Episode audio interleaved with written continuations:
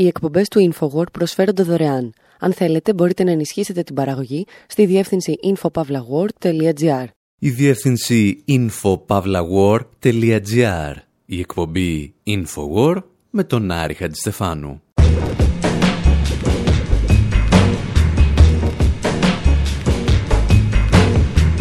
Όπου σήμερα αποφασίζουμε για την πρώτη εκπομπή της χρονιάς να θυμηθούμε μουσικά μερικές επαναστάσεις. Συγκεκριμένα αυτές που έγιναν μια πρώτη του Γενάρη, αλλά και αυτές που θα τιμήσουμε όλο το 2019.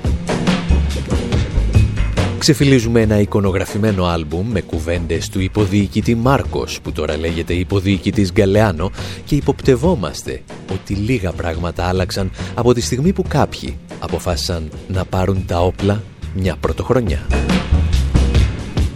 Σκεφτόμαστε μαζί με τον Bob Dylan αν είναι καλύτερα να κάνεις ντους με την κόρη ενός αγρότη ή να αρμέξεις μια αγελάδα και αναρωτιόμαστε εάν όλα αυτά έχουν κάποια σχέση με το μουσι του Φιντελ Κάστρο και τα 60 χρόνια της Κουβανικής Επανάστασης. Συζητάμε επίσης για τα 70 χρόνια της Κινέζικης Επανάστασης, τα 40 της Ιρανικής αλλά και της Νικαραγουανής και της Επανάστασης της Γρενάδας, που ίσως να την λένε και Γρεναδιέρικη, αλλά ίσως και να πρέπει να μας διορθώσετε. Αναρωτιόμαστε γιατί οι περισσότερες επαναστάσεις στην καρδιά του 20ου αιώνα έγιναν εναντίον των Ηνωμένων Πολιτειών και των καθεστώτων που αυτές υποστήριζαν. Και γιατί, αντίθετα, οι τελευταίες επαναστάσεις ή έστω ανακατατάξεις του ίδιου αιώνα έγιναν από τις Ηνωμένες Πολιτείες ή αυτούς που τις υποστήριζαν. Και ξεκινάμε με μια πρώτη επανάσταση που στέφθηκε στις Δάφνες, μια πρώτη του Γενάρη, 1η του Γενάρη του 1804.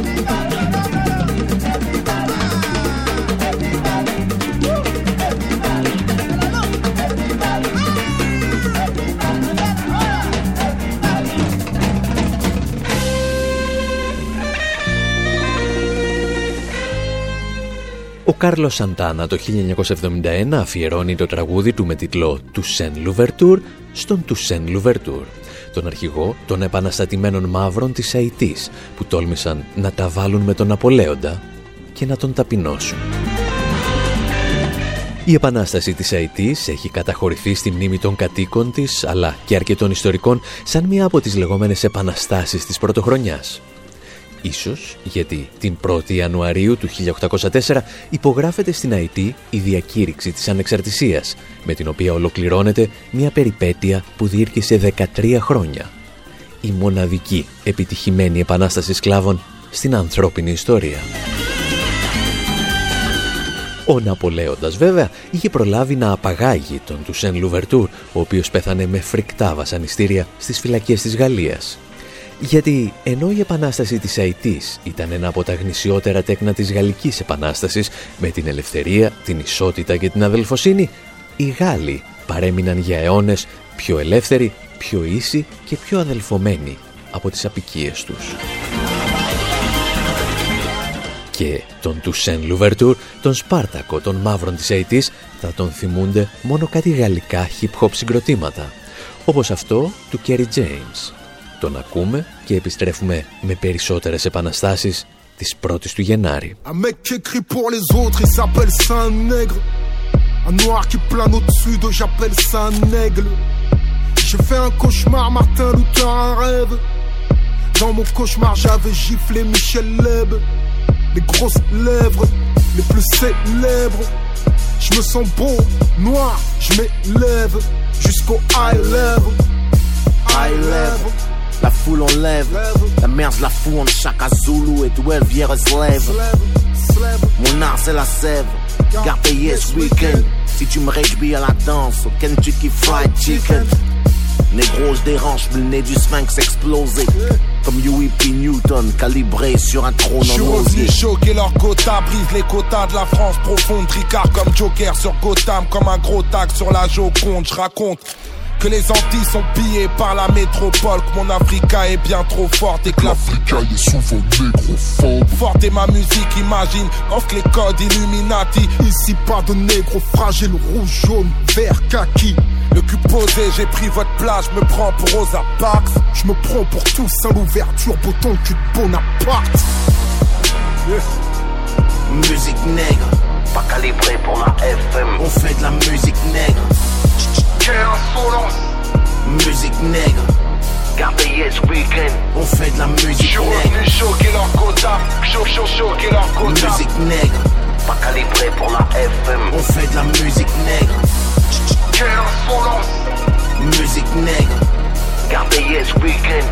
Sur le boulevard de la vie Je suis dans l'angle mort Un nègre qui les défie est un nègre mort Depuis le bruit et l'odeur Je sens que je dérange la France Η Αϊτή δεν είναι η μοναδική χώρα που γιορτάζει μια επιτυχημένη επανάσταση κάθε πρώτη του Γενάρη.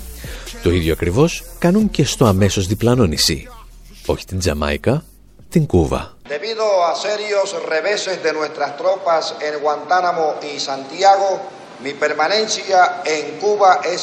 Ο κύριος που ακούτε είναι ο δικτάτορας Μπατίστα, τουλάχιστον όπως τον φαντάστηκε ο Φράνσις Φορτ Κόπολα στην ταινία του «Ο Νονός νούμερο 2». Είναι πρωτοχρονιά του 1959 και ο εκλεκτός της Ουάσιγκτον και της Αμερικανικής μαφίας αποφασίζει να εγκαταλείψει άμεσα την Αβάνα, στην οποία φτάνει ο Φιντελ Κάστρο και ο Τσεγκεβάρα.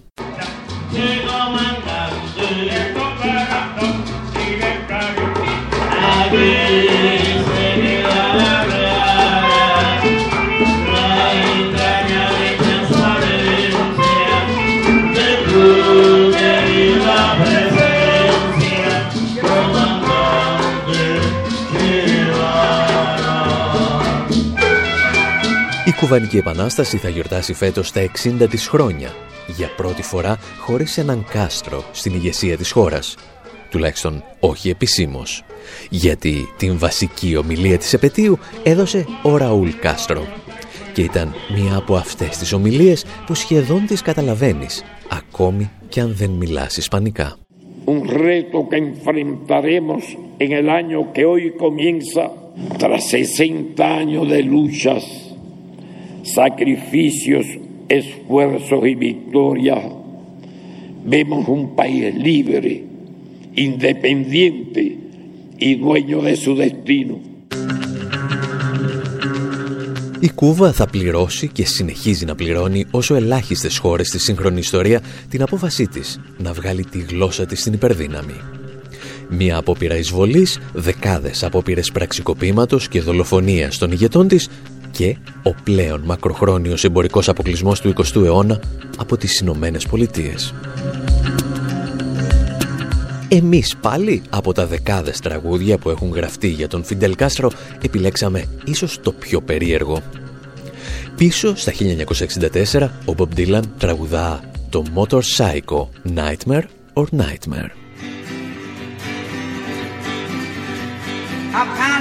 farmhouse looking for a place to stay. I was mighty, mighty tired. I had come a long, long way. Said, hey, hey, and there, is there anybody home? I was standing on the steps, feeling most alone. When out comes a farmer, he must have thought that I was nuts. He immediately looked at me and stuck a gun into my guts. Ο Μπομπ Ντίλαν φτάνει σε ένα αγρόκτημα με τη μηχανή του έχοντας διανύσει χιλιάδες χιλιόμετρα. Για να μην σας τα πολυλογούμε, ο ιδιοκτήτης του αγροκτήματος του επιτρέπει να περάσει τη νύχτα εκεί με δύο προϋποθέσεις. Να μην πειράξει την κόρη του και το πρωί να αρμέξει την αγελάδα του. Και ενώ το φυσιολογικό που θα περίμενε κανείς είναι ο Μπομπ Ντιλάν να κάνει το αντίστροφο, ο ήρωάς μας καταφέρνει να μην κάνει τίποτα από τα δύο. Το πρωί έρχεται, λέει, στο δωμάτιό του η κόρη του αγρότη που μοιάζει βγαλμένη από την ταινία Dolce και του προτείνει να κάνουν ένα ντους. Αυτός γνωρίζει ότι αν το κάνει θα τον σκοτώσει ο αγρότης, αλλά δεν μπορεί και να το σκάσει γιατί δεν έχει προλάβει να αρμέξει την αγελάδα. Και για να ξεφύγει από τη δύσκολη θέση φωνάζει «Μου αρέσει ο Φιντελ Κάστρο και το μουσι του». Η κόρη αρχίζει να φωνάζει, φεύγει από το σπίτι και πιάνει λέει δουλειά σε ένα μοτέλ, ενώ ο πατέρας της παίρνει την καραμπίνα του και τον κυνηγάει για να τον σκοτώσει ή να τον παραδώσει στο FBI. Και αν αυτό δεν είναι το καταλληλότερο τραγούδι για να τιμήσει κανείς τα 60 χρόνια της Κουβανικής Επανάστασης, σας ρωτάμε ειλικρινά, ποιο θα μπορούσε να είναι. Το συγκρότημα Strange Love πάντως υποθέτουμε θα συμφωνούσε μαζί μας ήδη από το 1994 όταν διασκεύασε το τραγούδι του Bob Dylan.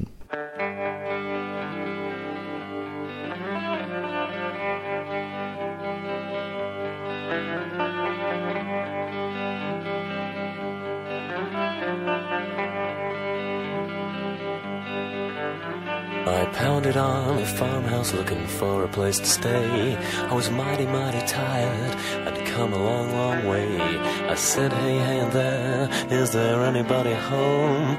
I was standing on the steps, I'm feeling most alone. When out comes a farmer, must have thought that I was nuts. He immediately looked at me and stuck a gun into my guts. Well, I fell down to my bended knees, saying, I dig farmers, don't shoot me, please. He cocked his rifle and began to shout, You that traveling salesman that I heard about. I said, No, no, no, I'm a doctor and it's true. I'm a clean cut kid and I've been to college too.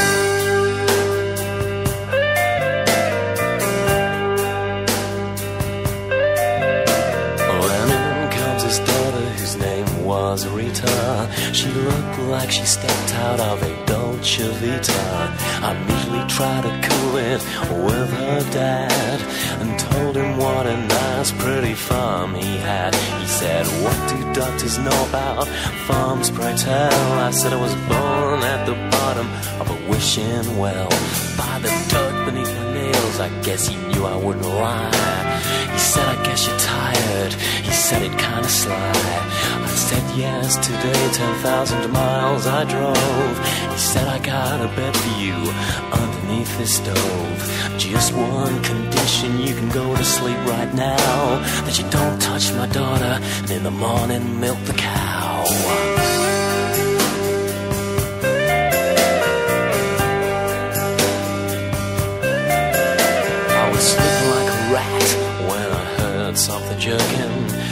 There stood Rita looking just like Tony Perkins. She said, Would you like to uh, shake a shower? I'll show up to the door. I said, No, no, no, been through this movie before. I knew I had to split, but I did not know how.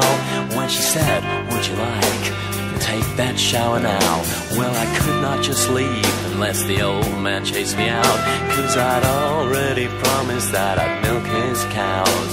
I had to say something to strike him very weird, so I yelled, I like Fidel Castro and his beard. Rita looked offended, but she got out of the way. He came charging down the stairs, saying, What's that I heard you say? Στην εκπομπή Infowar με τον Άρη Χατζηστεφάνου θυμόμαστε επαναστάσεις που στέφθηκαν με επιτυχία μια πρώτη του Γενάρη. Και μία από αυτές, η κουβανική, συμπληρώνει φέτος έξι δεκαετίες. Πριν περάσουμε όμως στις επαιτίους επαναστάσεων που θα γεμίσουν φέτος τα ημερολόγια μας και τις σελίδες των εφημερίδων, έχουμε μία ακόμη εξέγερση, παύλα επανάσταση, που ξεκίνησε μία πρώτη του Γενάρη. Γιατί, όπως επέμεναν να μας λένε οι Rage Against the Machine, όλα μπορούν να αλλάξουν μια πρωτοχρονιά. Και όλα άλλαξαν μια πρωτοχρονιά.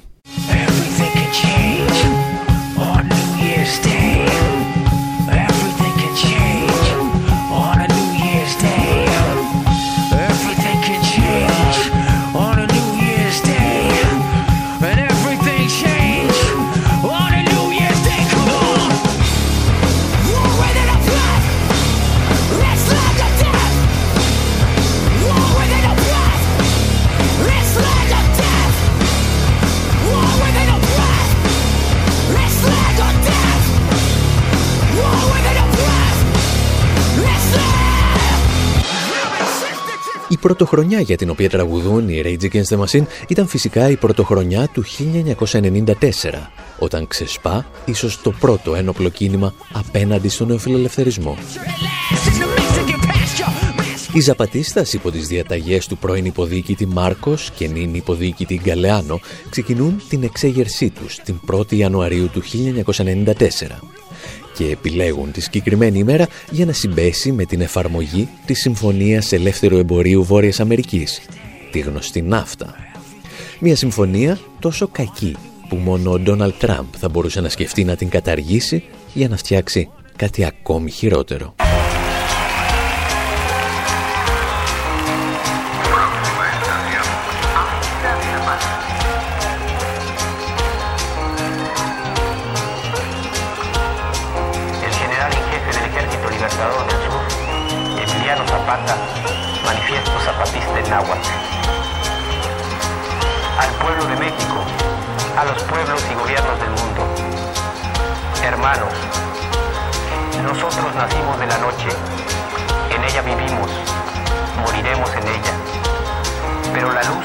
Será mañana para los más, para todos aquellos que hoy lloran la noche, para quienes se niega el día, para todos la luz, para todos Η εξέγερση των Ζαπατίστας συμπληρώνει φέτος ένα τέταρτο του αιώνα και αν έχετε ξεχάσει πως είναι να αμφισβητείς ένα οικονομικό και πολιτικό σύστημα απ' έξω και όχι από μέσα, κυκλοφόρησε πρόσφατα ένα πολύ όμορφο λεύκομα που ίσως μας βοηθήσει να θυμηθούμε. Let us introduce ourselves. We are Επιτρέψτε μας να συστηθούμε. Είμαστε ο Εθνικός Απελευθερωτικός Στρατός των Ζαπατίστα. Για δέκα χρόνια ζούσαμε στα βουνά και προετοιμαζόμασταν για πόλεμο. Για τις δυνάμεις που είναι πλέον διεθνώς γνωστές με το όνομα νεοφιλελευθερισμός δεν υπήρχαμε, δεν παρήγαμε, δεν αγοράζαμε, δεν πουλούσαμε. Ήμασταν ένα άχρηστο δεκαδικό ψηφίο στους λογαριασμούς του κεφαλαίου. We were a cipher in the accounts of big capitals.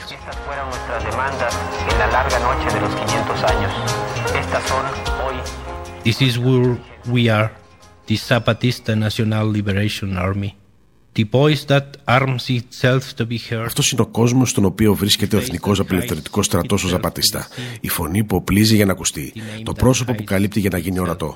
Το όνομα που κρύβεται για να γίνει γνωστό. Ποιο βλέπετε πίσω από τις μαύρες μάσκες μας, πίσω από τα πλησμένα παιδιά μας, πίσω από τα ανίποτα ονόματά μας. Πίσω από εμάς βρίσκεστε εσείς. we are you.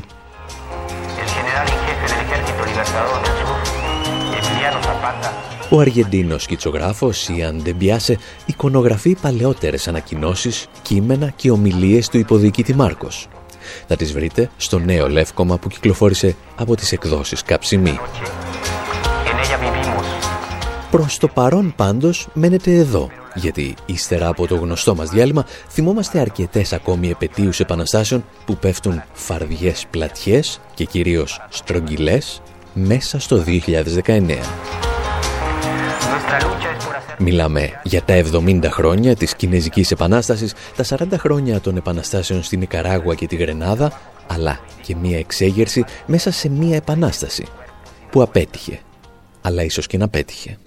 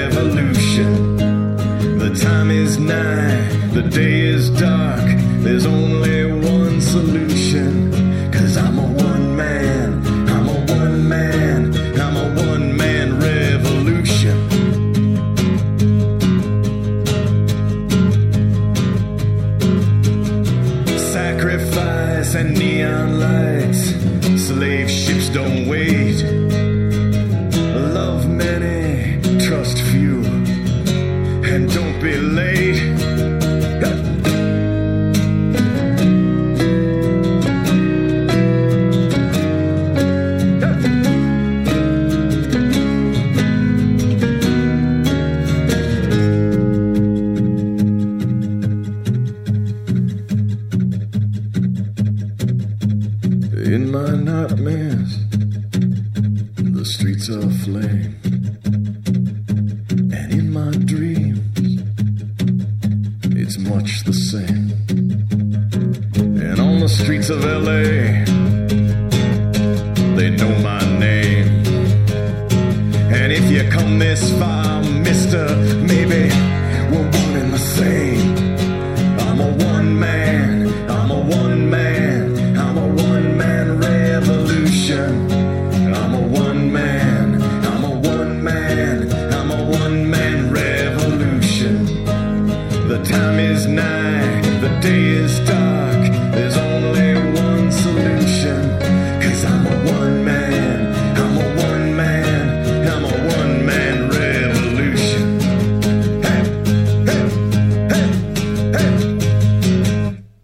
Του InfoWord προσφέρονται δωρεάν. Αν θέλετε, μπορείτε να ενισχύσετε την παραγωγή στη διεύθυνση infopavlagor.gr.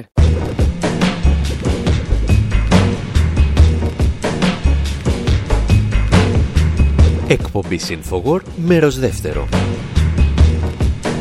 όπου αφού ακούσαμε μερικά τραγουδάκια για τις επαναστάσεις που ξεκινούν ή ολοκληρώνονται μια πρώτη του Γενάρη, έχει έρθει η στιγμή να ικανοποιήσουμε και τους λάτρεις των στρογγυλών αριθμών. Αυτόν δηλαδή που θέλουν οι επέτειοι ενός γεγονότος να διαιρούνται όχι μόνο με το 5 αλλά και με το 10 και αν γίνεται με το 100. Και για μια τέτοια επέτειο, τα 100 χρόνια από την εξέγερση των Σπαρτακιστών στη Γερμανία, θα αφήσουμε να μας κάνει την εισαγωγή ο David Bowie.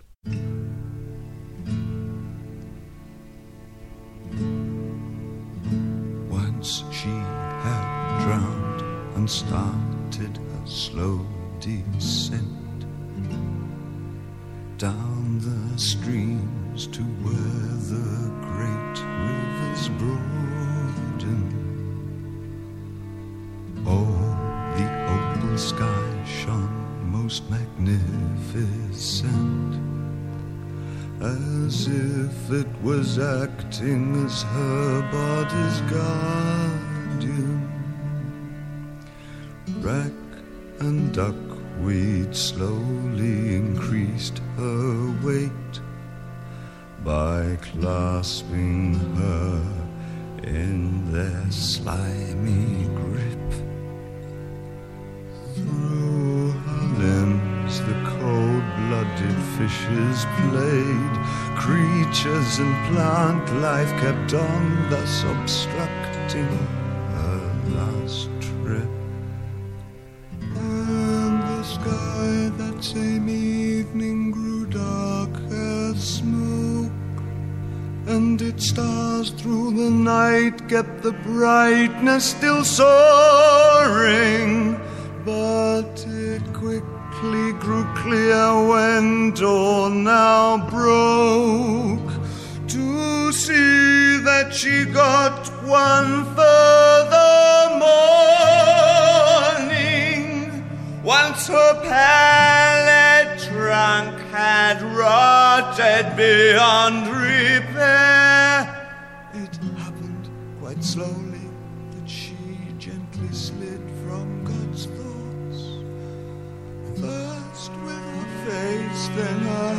hands, right at the last with her hair, leaving those corpse choked rivers just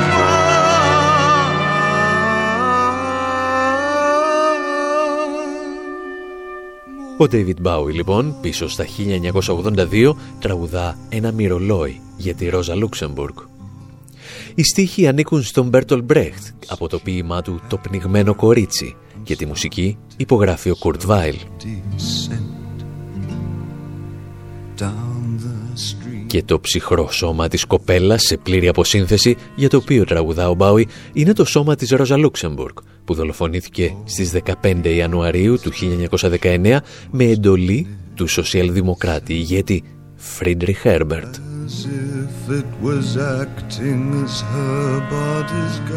Έκτοτε δεκάδες σοσιαλδημοκράτες ηγέτες απλώς παπαγαλίζουν τη φράση «σοσιαλισμός ή βαρβαρότητα» που η ίδια έκανε γνωστή, σκυλεύοντας έτσι περαιτέρω τη μνήμη της.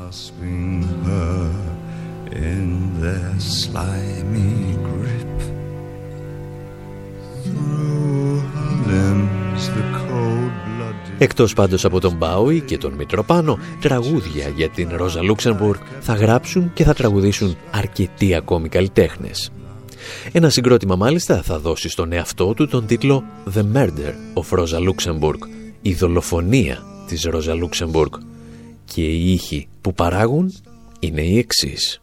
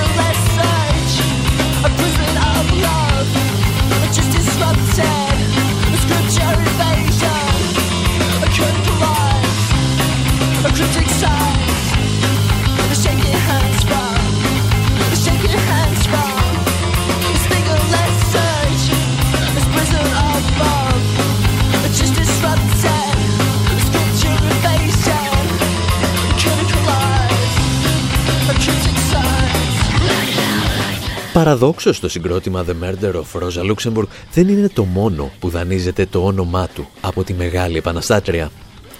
Το ίδιο θα κάνει και το γαλλικό συγκρότημα με τίτλο Rosa Luxemburg, μια μπάντα που δημιουργείται το 2003 και κάνει τον ντεμπούτο της με 8 τραγούδια που περιγράφουν τη ζωή της μεγάλης Πολωνοεβραίο-Γερμανής επαναστάτριας και θεωρητικού του μαρξισμού. Εδώ το τραγούδι τους Suicidal Mission.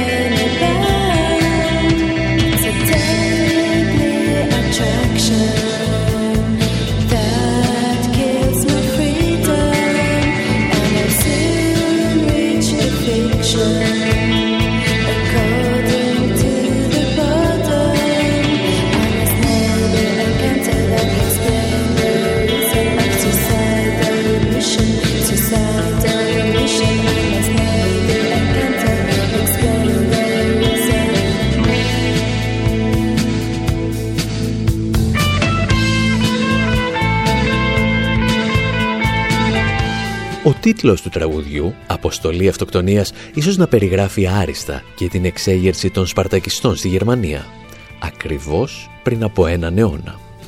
Μια εξέγερση στο εσωτερικό μιας επανάστασης, από την οποία θα γεννηθεί η δημοκρατία της Βαϊμάρης. Μια εξέγερση για την οποία η Ρόζα Λούξεμπουργκ ήταν σχεδόν βέβαιη ότι πραγματοποιείται την λάθος στιγμή, αλλά έδωσε παρόλα αυτά όλες τις τις δυνάμεις για να πετύχει. Και όταν η εξέγερση υπήθηκε και οι αντίπαλοι της υποστήριζαν ότι όλα επέστρεψαν στην προτέρα κατάσταση, η Ρόζα Λούξεμπουργκ τους απάντησε ως εξής. Λέτε ότι η τάξη βασιλεύει στο Βερολίνο. Η λύθη δίμνη. Η τάξη σας είναι χτισμένη πάνω στην άμμο. Αύριο η επανάσταση θα υψωθεί ξανά και βροντώντας τα όπλα της με τις άλπιγγες να αντιχούν θα αναγγείλει προκαλώντας σας τρόμο Ήμουν, είμαι, θα είμαι.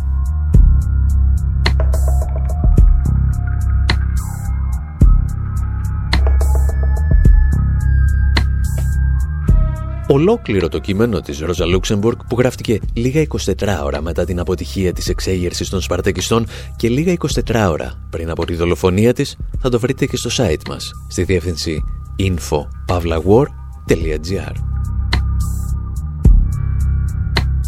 γιατί εμείς πρέπει να προχωρήσουμε μουσικά σε μια άλλη επανάσταση η οποία μέσα στο 2019 θα κλείσει τα 40 της χρόνια.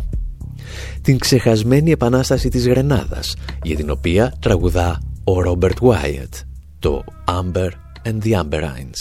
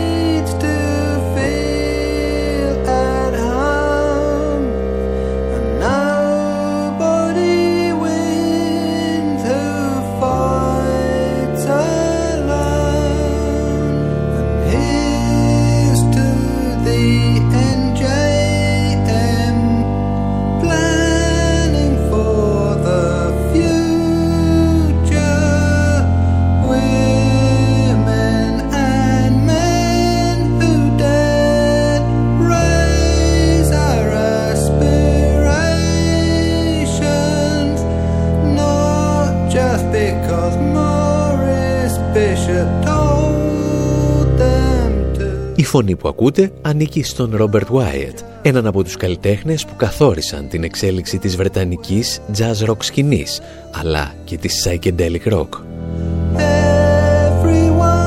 Και το έκανε όντας καθυλωμένος σε ένα αναπηρικό καροτσίδιο από το 1973. Εκεί που βρίσκεται από τη στιγμή που μεθυσμένος σε ένα πάρτι έπεσε από τον τέταρτο όροφο μιας πολυκατοικίας. Για την ιστορία, το ατύχημα του Wyatt ήταν ο λόγος για τον οποίο οι Pink Floyd έδωσαν για πρώτη και τελευταία φορά δύο συναυλίες back-to-back την ίδια ημέρα στο Λονδίνο και φυσικά του προσέφεραν όλα τα έσοδα.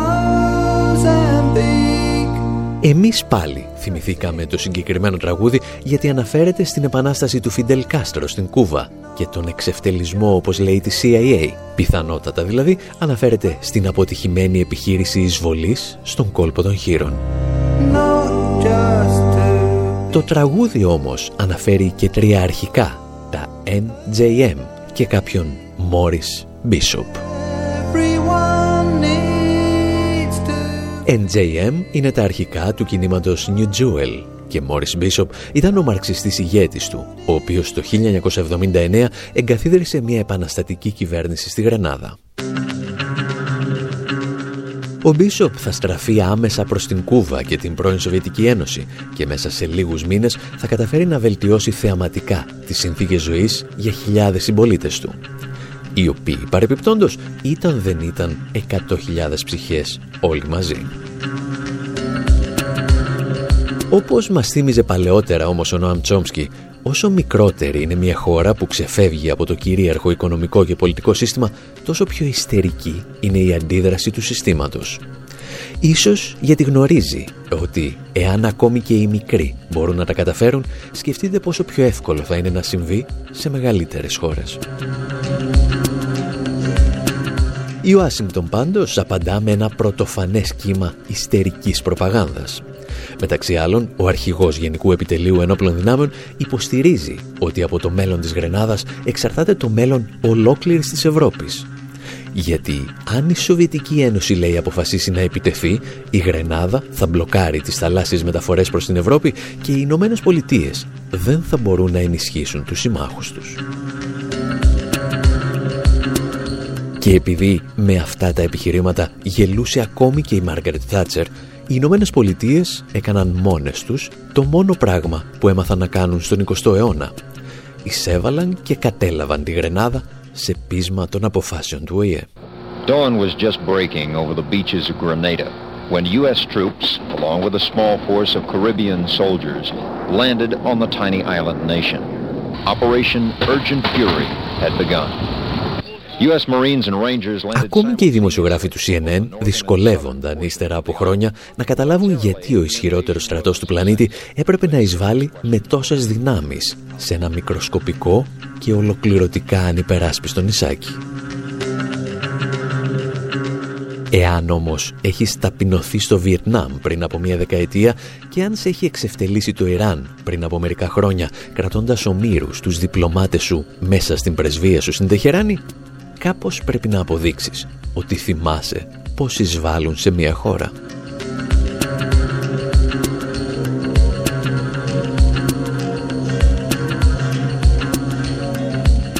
Την ίδια χρονιά πάντως που πραγματοποιείται η Επανάσταση στη Γρενάδα, οι Ηνωμένε Πολιτείες αποκτούν και έναν ακόμη πονοκέφαλο στην πίσω αυλή της Λατινικής Αμερικής. Την Επανάσταση των Σαντινίστας.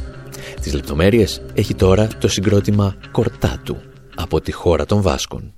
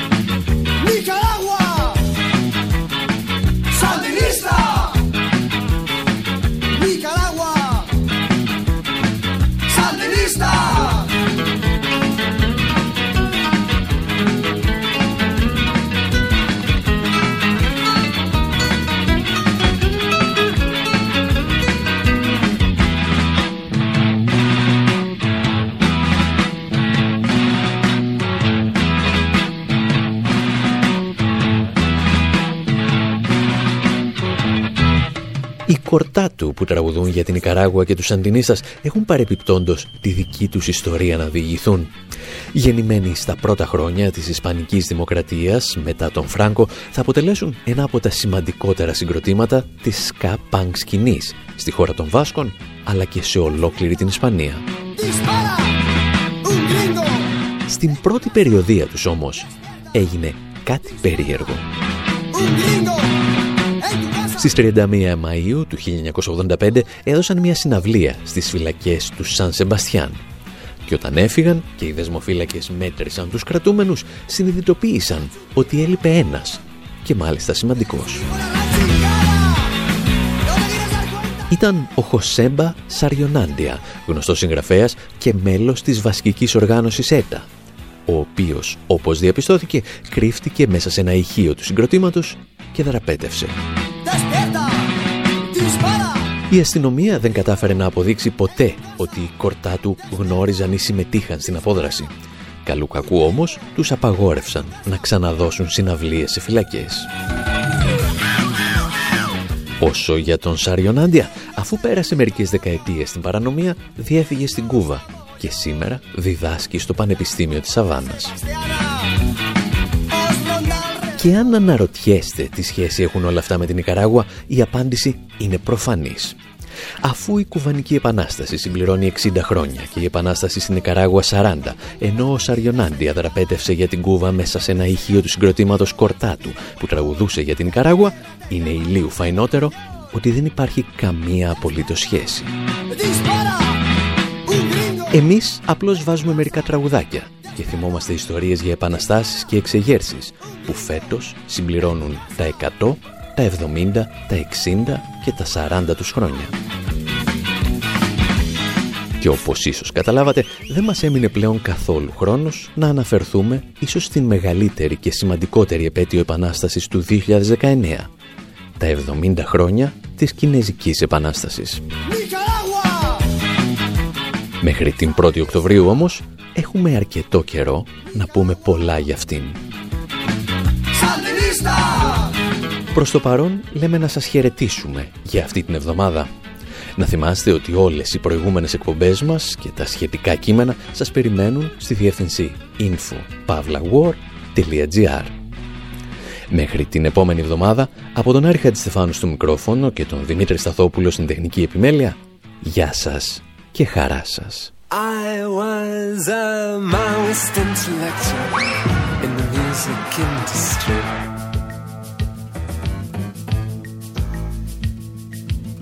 I always knew that I could seize the world's imagination and show the possibilities of transformation. I saw a nation in decay, but also a solution. Permanent cultural revolution. Whenever I played my protest songs, the press applauded me. Rolled out the red carpet, parted the Red Sea. But the petty bourgeois Philistines stayed away. They preferred their artists to have nothing to say. How did I pass my time on earth? Now it can be revealed I was a Maoist intellectual in the entertainment field.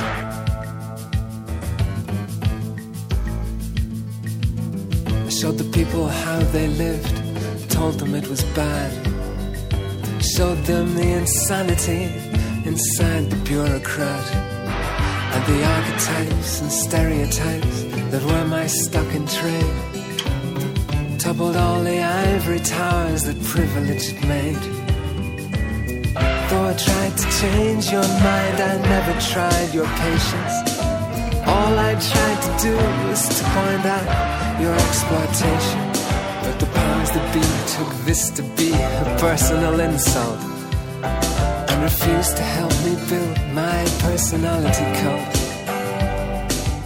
How did I pass my time on earth? What on earth got into me? I was a Maoist intellectual in the music industry.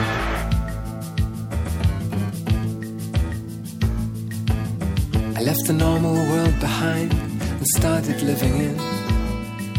I hinterland between dissolution and self discipline.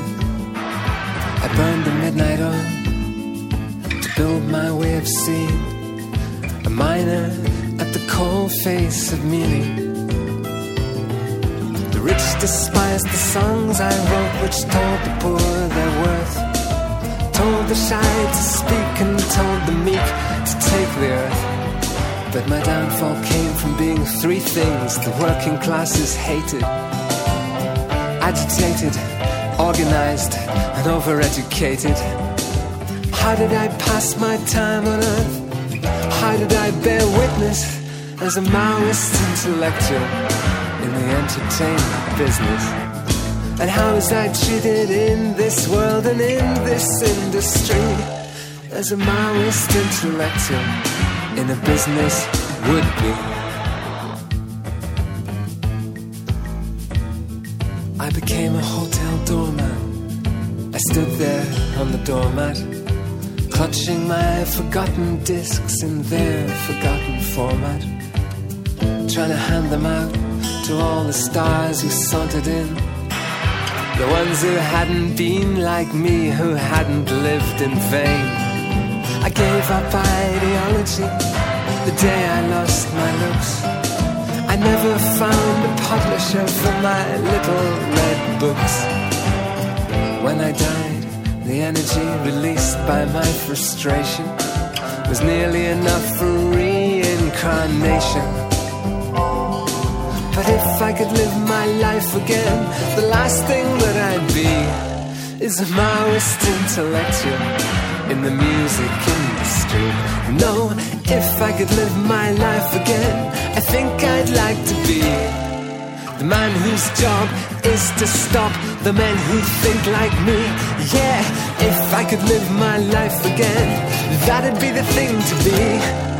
The man who plots the stumbling blocks in the lives of the likes of me.